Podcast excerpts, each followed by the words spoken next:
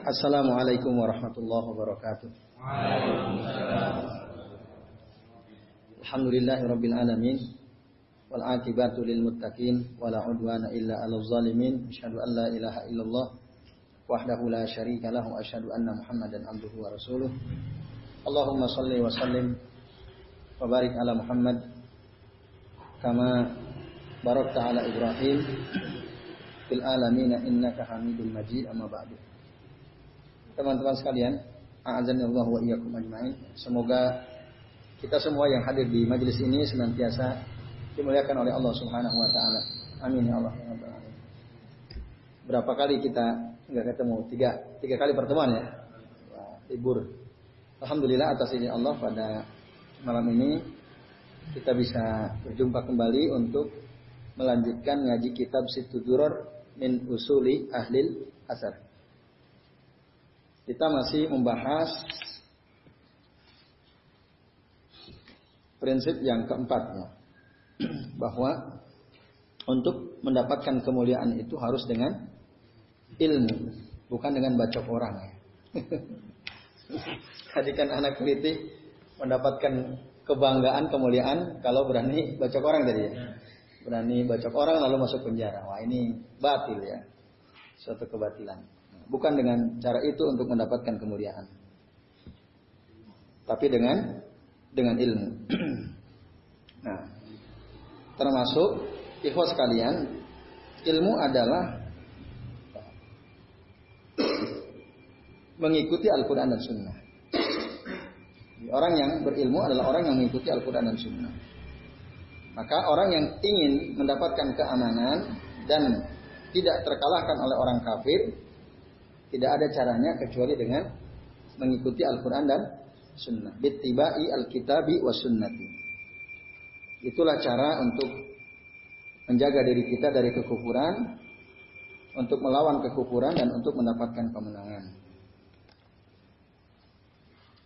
Syekh Abdul Malik Al-Jazairi pada poin ini beliau menjelaskan kata beliau lastu a'ni bihadil fasl zahirahu al-mutabadir ila dhihni fahasab yang saya harapkan dengan pembahasan pada pasal ini bukanlah hanya sekedar ketika orang membacanya atau mendengarkan hanya sekedar mengiyakan, membenarkan di pikirannya saja. Oh iya betul bahwa dengan mengikuti Quran Sunnah itulah kita akan mendapatkan kemenangan. Bukan hanya sekedar kata-kata iya benar, bukan hanya itu. Kenapa? Karena Li'annahu syai'un ma'lun lil muslimina ilman nadhariyan aqal. Karena ini adalah sesuatu yang sudah diketahui oleh kaum muslimin pada umumnya. Semua orang Islam sudah tahu bahwa keselamatan itu ada pada saat kita mengikuti Al-Quran dan. Semua kita tahu, semua orang Islam pada umumnya tahu itu, pada umumnya, kecuali yang nggak tahu, nggak pernah ngaji ya. Pernah tahu ngaji mungkin nggak tahu. Tapi yang biasa ngaji dia ngerti Jalan keselamatan hanya bisa didapatkan lewat mengikuti Al-Quran dan dan Sunnah. Nah, tapi sayang, ya, pada umumnya orang Islam, kaum muslimin tahu ini hanya sekedar teori, teorinya saja. Yang ngerti teorinya begitu, tapi pada tataran praktek, pada umumnya tidak melakukan. Mereka hanya ngerti itu, oh iya, Misalnya ada hadis yang uh, setidaknya pernah terdengar oleh telinganya maknanya gitu ya. Misalnya taraktu fikum amraini in bihima dan tadillu abada. Aku tinggalkan di tengah-tengah kalian apabila kalian berpegang teguh kepada keduanya, maka kalian tidak akan sesat selama-lamanya. Ala kitab Allahi wa sunnata rasulihi. Ketahuilah itu kitab Allah dan sunnah Rasul. Tidak sesat. Nah, minimal mereka pernah, kaum muslimin pada umumnya pernah mendengar kata-kata Nabi tersebut. Jadi secara teori paham. Tapi secara praktek itu yang tidak ada. Pada umumnya tidak melakukan. Nah, itu apa kata beliau? Walakinnahu kalimatun ila ulaika alladziina lam yakna'u bid'awatil kitab wa sunnah. Akan tetapi yang diinginkan oleh Syekh Abdul Malik Al-Jazairi ini, si penulis kitab Situ Durar, min usuli ahli asar adalah supaya orang-orang yang belum puas dengan dakwah yang diambil dari Al-Quran dan Sunnah, atau supaya orang-orang yang belum tunduk kepada Al-Quran dan Sunnah memperhatikan masalah ini. Kan ada banyak orang, mereka tidak memperdulikan Al-Quran dan Sunnah. Tidak tunduk kepada Al-Quran dan Sunnah. Ada misalnya komunitas hijrah Indonesia, KHI. Mereka punya acara one apa? One day free hijab itu ya. Iya kan? Ah, yang ramai sempat ramai di medsos itu. Itu kan orang Islam pelakunya. Namanya juga komunitas hijrah Indonesia kan. Menggunakan nama baik komunitas hijrah tapi ya kampanyenya melepas jilbab. Jadi satu hari tanpa tanpa jilbab. Apakah ini menunjukkan ketundukan pada Quran dan Sunnah? Tidak kan? Justru pembang pembangkangan. Ini mencerminkan rusaknya masyarakat kita.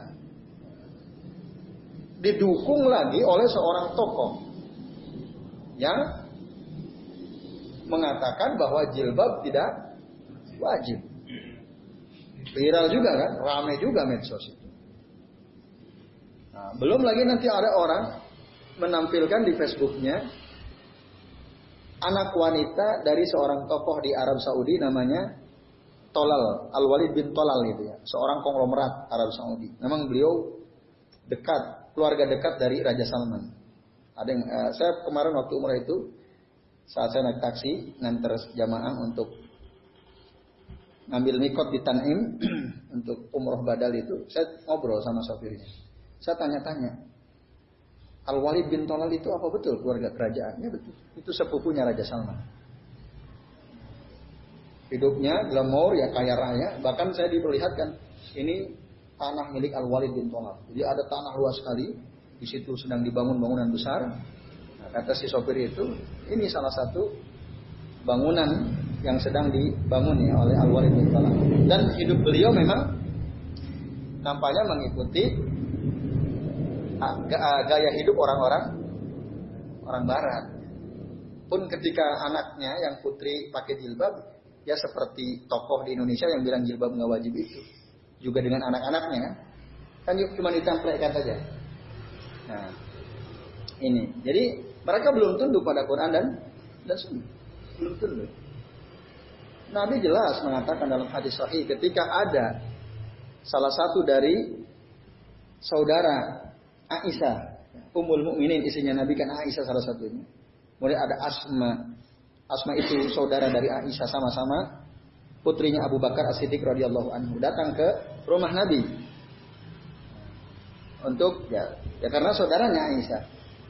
Lalu memakai pakaian yang menurut Nabi kurang pas. Lalu dinasihati oleh Nabi. Sesungguhnya wanita itu yang hanya boleh terlihat hanya asyara ila wajhihi wa ila kafai. Hanya ini dan ini. Yang lainnya harus ditutup. Nah, apa dia enggak mau tunduk pada itu hadisnya sahih pada hadis tersebut. Dalam Al-Quran banyak sekali ayat. Ya ayuhan nabi kulli azwajika wa banatika wa nisa'il mu'minina. Hai para hai nabi, katakanlah kepada istri-istrimu, anak-anak wanitamu dan istri-istri orang-orang beriman. Apa? Supaya mereka menjulurkan kerudungnya sampai ila juyubihinna sampai menutup dada-dada mereka. Itu Allah yang ngomong. Lalu dari mana teorinya dia ngomong jilbab nggak wajib? Kan ngaco. Udah ngomongnya. Kalau antum melihat ya rekamannya kan, ngomongnya itu kayak orang linglung kan. Karena memang nggak pakai dalil, ngomong nggak pakai ilmu, asal jeplak aja kata orang itu ya. Nah, ini. Nah ini ini cerminan bahwa ada banyak orang, banyak orang yang memang tidak tunduk pada Quran dan Sunnah. Nah, saya Abdul Malik Al-Jazairi, penulis kitab ini ya, Al-Jazairi Ramdhani, beliau ingin menegaskan betapa penting kita ini berpegang teguh kepada Al-Quran dan Sunnah, mengikuti Quran dan Sunnah. Nah, Tidaklah ya. Mereka berpikir ketika mereka melihat bagaimana kekuatan orang kafir orang-orang munafik dibangun sedemikian besar, mereka bersatu padu untuk menguasai negeri-negeri kaum muslimin. Bagaimana misalnya Amerika dengan Israel ya, yang aktual gitu. Mereka bersatu padu, berkonspirasi, bagaimana caranya agar Palestina misalnya betul-betul dikuasai wilayah-wilayah pentingnya. Nah, tidaklah kita memperhatikan masalah itu. Lalu kata Sa'adul Malik Ramdhani Al-Jazairi, sudahlah dulu ya, Andalusia atau Spanyol kan berapa ratus tahun dikuasai oleh orang Islam. Pada akhirnya bisa runtuh habis dikuasai oleh mereka dengan sangat menyedihkan kalau kita lihat ceritanya atau videonya itu kan ngeri sekali.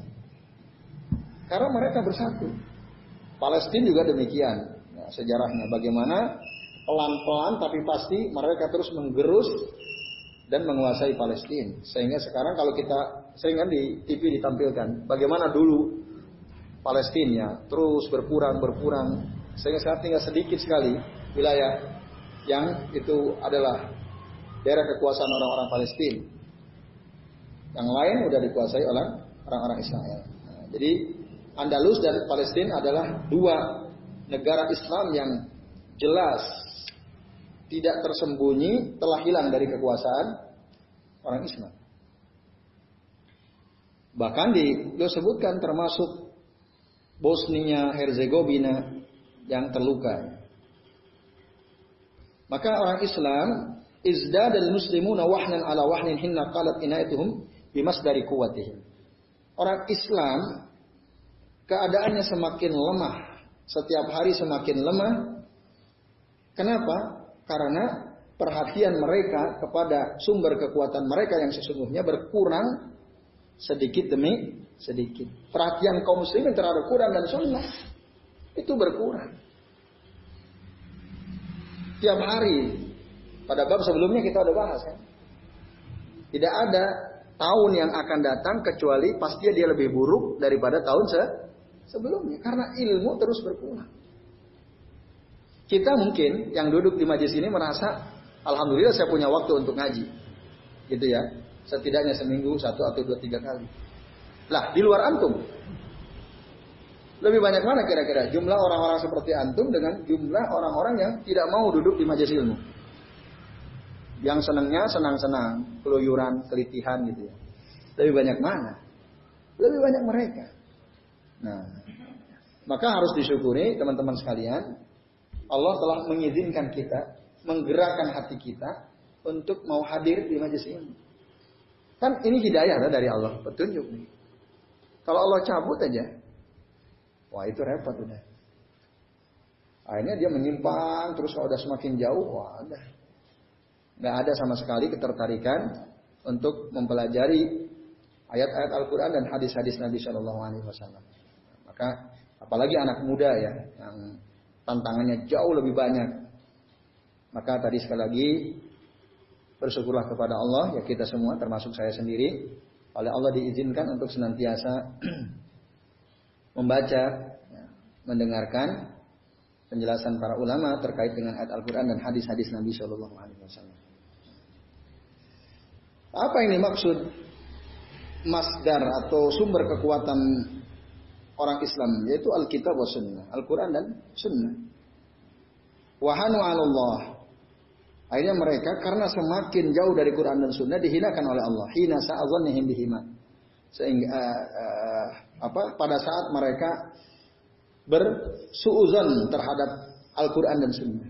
Jadi mereka suuzon atau menganggap remeh Al-Quran dan Sunnah. Ittasawwaru dha'fa atharihim fin nufus.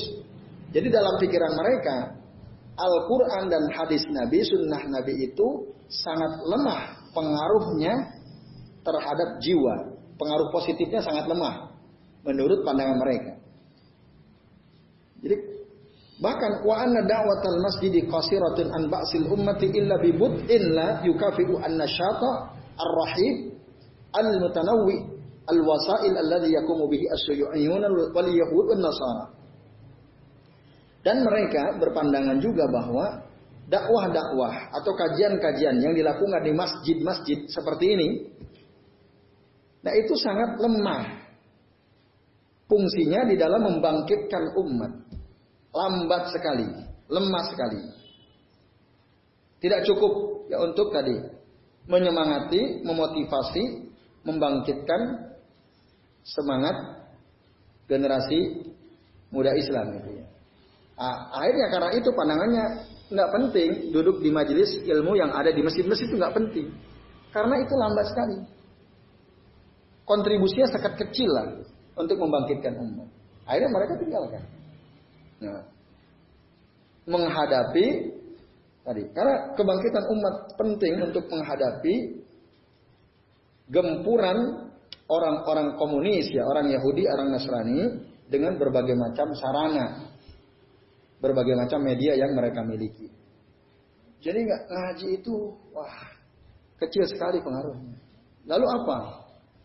Maka mereka mungkin ada yang aktif di apa dunia uh, apa namanya uh, dunia sosial lah medsos gitu ya semacam medsos uh, apa itu ada di kampus itu jurusan apa itu yang ngotak ngatik media lah namanya apa itu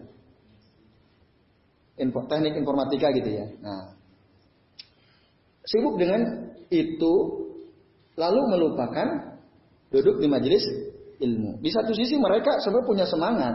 Gimana sih supaya umat ini maju, generasi Islam ini mah maju. Nah, akhirnya mereka cari cara. Gimana caranya? Ya, ya sudah bagus sebenarnya ya. Mungkin mereka bikin komunitas, mereka bikin kaos misalnya, mereka buat spanduk dan lain sebagainya, kampanye ya supaya Islam bangkit. Sementara mereka lupa meluangkan waktu untuk duduk ya bersama-sama mempelajari Al-Quran dan hadis-hadis Nabi. Itunya yang kebanyakan mereka lupa. Harusnya itu yang inti. Nah dari sering mengikuti kajian itulah boleh tuh kemudian memunculkan berbagai macam cara. Tapi yang inti ini jangan ditinggalkan. Sekaligus ngajak orang-orang, ayo selain kita aktif di medsos, kita aktif di komunitas, kita bikin ini dan itu yang sangat digandrungi oleh kaum milenial misalnya. Tapi gimana yuk caranya supaya juga mereka mau duduk. Jangan hanya usat-usat terkenal aja, yang nggak terkenal kayak gini pun mau duduk kan gitu misalnya. Nah, karena kan kalau yang terkenal datang rame gitu ya, tapi yang rutin, rutin itu mereka malas. Nah, justru yang rutin ini yang harus dipelihara, walaupun tentu yang sesekali rame itu juga penting ya untuk memompa semangat kebersamaan dan seterusnya. Nah itu, itu tugas kita sama-sama tentu saja. Bagaimana caranya teman-teman kita mau hadir ya di majlis-majlis seperti ini. nah, iwas sekalian, azan ya Allah wa. Jadi jangan anggap remeh dakwah-dakwah di masjid-masjid, kajian-kajian di masjid itu. Karena itu yang sangat ditakuti oleh mereka. Maka orang kafir itu menawarkan berbagai macam acara supaya orang anak muda itu nggak suka kayak gini. Ya kan? Banyak sekali tawaran yang mereka sodorkan kepada anak-anak muda. Wa hadhihi da'wa in kana fihi mahaqqun fayakfi ashabuha isman in sarrafu wujuhan nash'i anil ukufi alal wahyaini hifzan wa ta'alluman wa ta'lim. Pernyataan tadi di atas, oh belajar di masjid, taklim di masjid, ah, itu pengaruhnya sangat kecil, tidak bisa memompa semangat anak muda untuk mengalahkan orang-orang kafir. Pernyataan itu Seandainya pun di dalamnya ada kebenaran, seandainya, maka cukuplah mereka yang berpandangan seperti pandangan di atas telah berdosa. Kenapa? Karena telah memalingkan wajah-wajah anak muda, perhatian anak-anak muda dari mempelajari dua wahyu itu yaitu Al-Quran dan Sunnah. Akhirnya mereka jadi tidak mau menghafal Quran, tidak mau mempelajari Al Quran, tidak mau ikut kajian tentang Quran atau hadis-hadis Nabi SAW. Males. Antum bisa hitung di masjid ini misalnya, ada kajian, berapa anak muda yang ikut? Lebih banyak mana yang sudah tua misalnya? Belum di masjid yang lainnya, yang rutin. Walaupun ada di beberapa komunitas kayak di masjid. Atau itu dekat UGM itu ya. Nah, itu memang hampir mahasiswa. Tapi di tempat-tempat tertentu, hampir penuh dengan mahasiswa-mahasiswa yang memang haus dengan ilmu. Nah, itu bagus sekali. Kalau apalagi itu bisa terus ke kampung-kampung ya seperti di kampung kita ini. Kalau anak muda, alhamdulillah termasuk ya, tentu sekali lagi kita harus syukuri ya di, di masjid ini bagaimana kita semua antum berusaha untuk tadi terus mempelajari Al-Quran, mempelajari Sunnah supaya kita sadar melek ya, Quran dan Sunnah. Nah, tadi tadi. Jadi mereka itu sudah cukup berdosa karena memalingkan generasi muda dari menghafal, mempelajari Al-Quran dan Sunnah, mengikuti kajian Quran dan Sunnah. Wala in habisa ba'duhum anfusahum li nasi dinahum. Meskipun ada memang sebagian orang mereka melakukan pengajaran kepada manusia atau mengajarkan orang-orang tentang agama mereka, tentang Islam, syariat Islam. Tapi faqallama yanzi'una bi ayatin aw hadisin illa. Tapi sayangnya tentu ini termasuk menyinggung saya ya. E, sedikit tapi sayang sedikit orang yang betul-betul berusaha mengamalkan ayat atau hadis tersebut kecuali ketika mereka ngajar hanya sekedar untuk tabarukan saja. Tabaruk itu hanya di pikirannya hanya sekedar untuk dapat keberkahan saja. Jadi bukan panduan hidup ya, bukan pedoman hidup. Ah, ya minimal dapat pahala lah, nah gitu. Jadi perhatiannya hanya itu, minimal dapat pahala udah.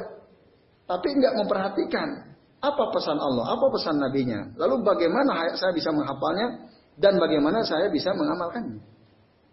Tujuannya bukan itu. Yang penting bisa hadir, dapat pahala, kumpul-kumpul, udah selesai. Nah ini kayak gini ini Nah, sayang. Jadi memang kajian itu ketika kita mengkaji ayat Quran, hadis Nabi, itu bisa yuharrikuna, menggerakkan kita untuk melakukan satu gerakan yang lebih besar lagi, lebih masif lagi, lebih luas lagi pengaruhnya. Harusnya itu.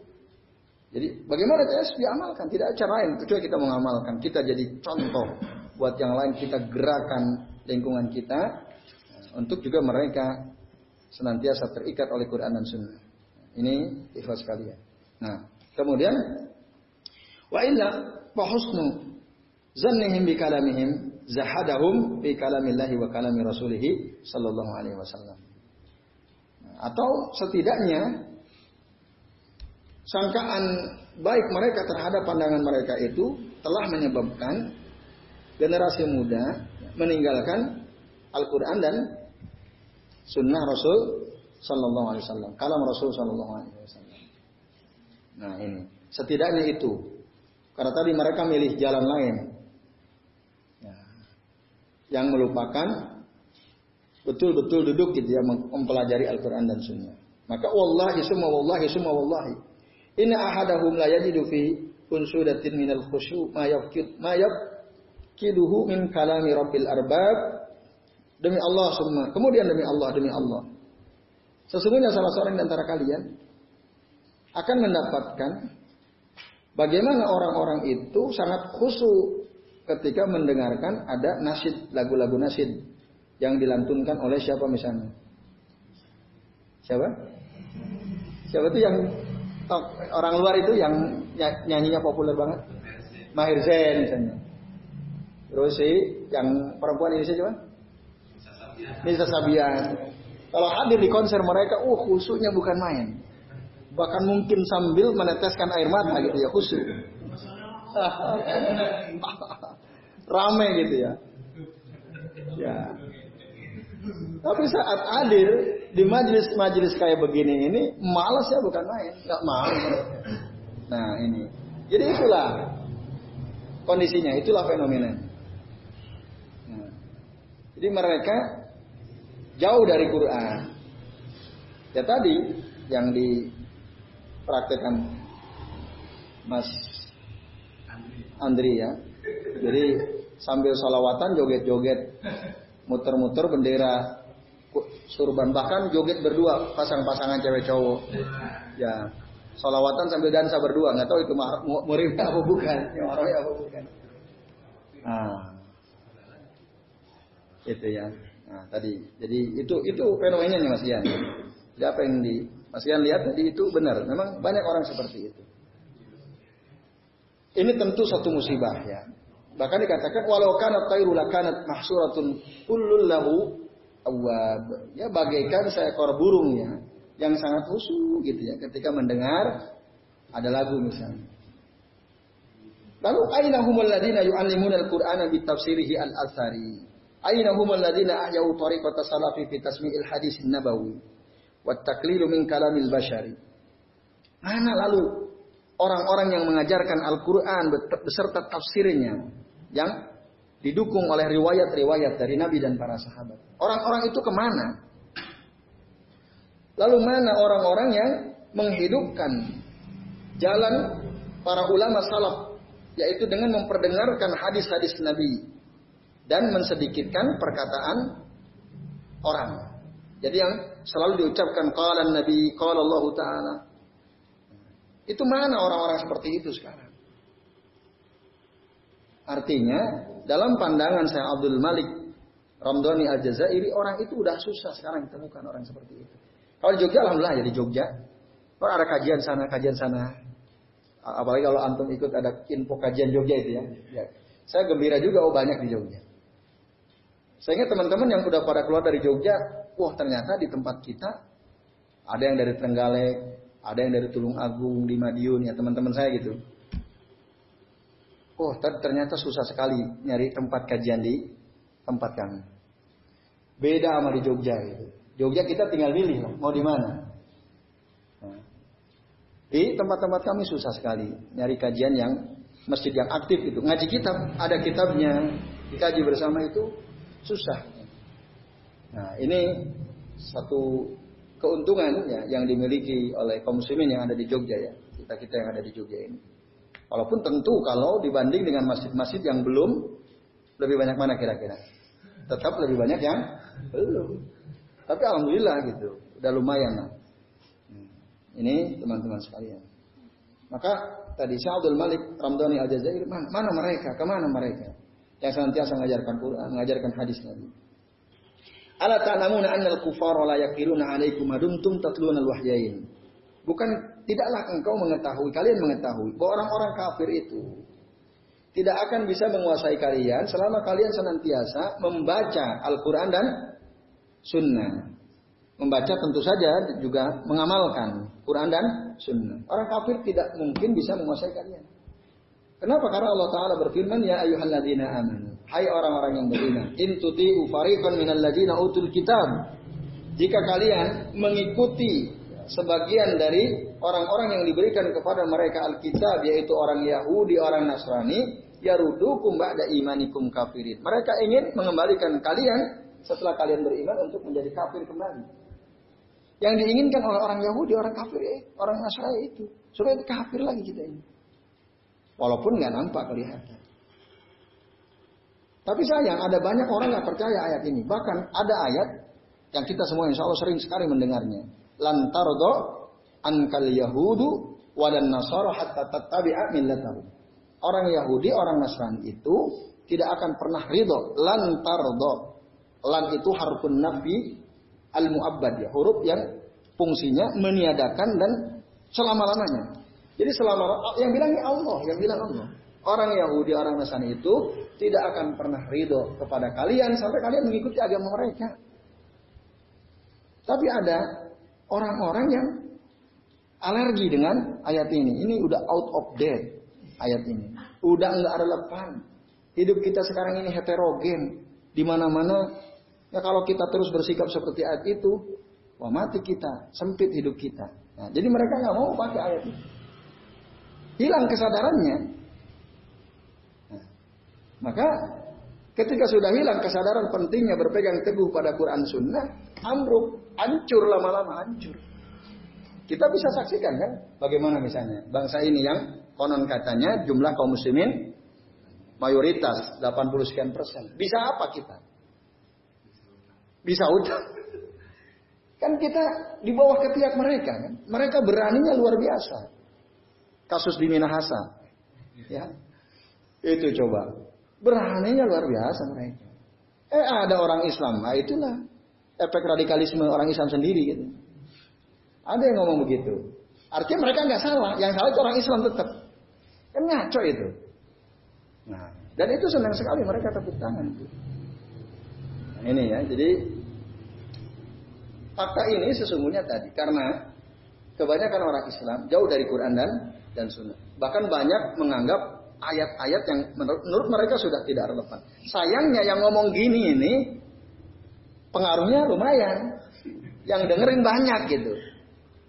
Apalagi yang ngomong misalnya lulusan pesantren. Bapaknya kiai. Sekolah di perguruan Islam. Bahkan di Arab Saudi gitu misalnya. Di negeri Arab ya. Terus pulang kayak keracunan. Ngaco ngomongnya gitu. Itu. Atau yang kuliah di Amerika, di Eropa gitu. Tadinya dia anak kiai, belajar lama di pesantren. Ketika pulang, yang digembar-gemborkan oleh mereka bukan supaya kita kembali pada Quran Sunnah. Tapi supaya kita mengikuti pikiran orang-orang barat misalnya. Yang mereka bawa, kampanyekan di sini. Nah ini, akhirnya tadi jauh. Generasi muda Islam jauh dari Quran dan Sunnah. Nah, jadi itu, hai orang-orang beriman, jika kalian mengikuti sebagian dari orang-orang yang diberikan uh, kitab kepada mereka, yaitu orang Yahudi dan Nasrani, ya rudu iman imanikum kafirin. Mereka ingin mengembalikan kalian setelah kalian beramal menjadi kafir. Wa kaifa takfuruna wa antum tutla alaikum ayatullahi wa fikum rasuluhu. Bagaimana kalian bisa kafir? Sementara dibacakan kepada kalian ayat-ayat Allah dan di tengah-tengah kalian ada putusan Allah. Wa may ya'tasim billahi faqad hudiya ila siratim mustaqim. Barang siapa yang berpegang teguh kepada Allah ya, kepada tali Allah yaitu kepada Al-Qur'an dan Sunnah. Faqad hudiya ila siratim mustaqim. Maka sungguh dia sudah diberi petunjuk untuk menempuh jalan yang lurus. Surah Ali Imran ayat 100 sampai 101. Baik teman sekalian, azan ya Allah ajmain. Mohon maaf sampai di sini dulu ya. Ini saya jadwal ronda penyedia snack mulai jam 10.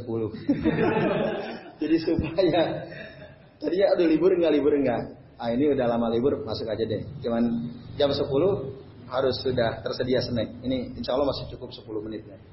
Pulang ke rumah. Jadi mohon maaf sampai sini dulu. Insya Allah kita lanjutkan lagi nanti. Ya mudah-mudahan nanti yang di Darul Husna saya kemarin minta supaya pindah ke Rabu supaya nggak tabrakan. Yeah. Itu ya teman sekalian. Mohon maaf dan mohon maaf juga tidak ada tanya jawab ini. Saya mohon maaf sekali lagi dan saya akhiri bila taufiq wal hidayah. Wassalamualaikum warahmatullahi wabarakatuh.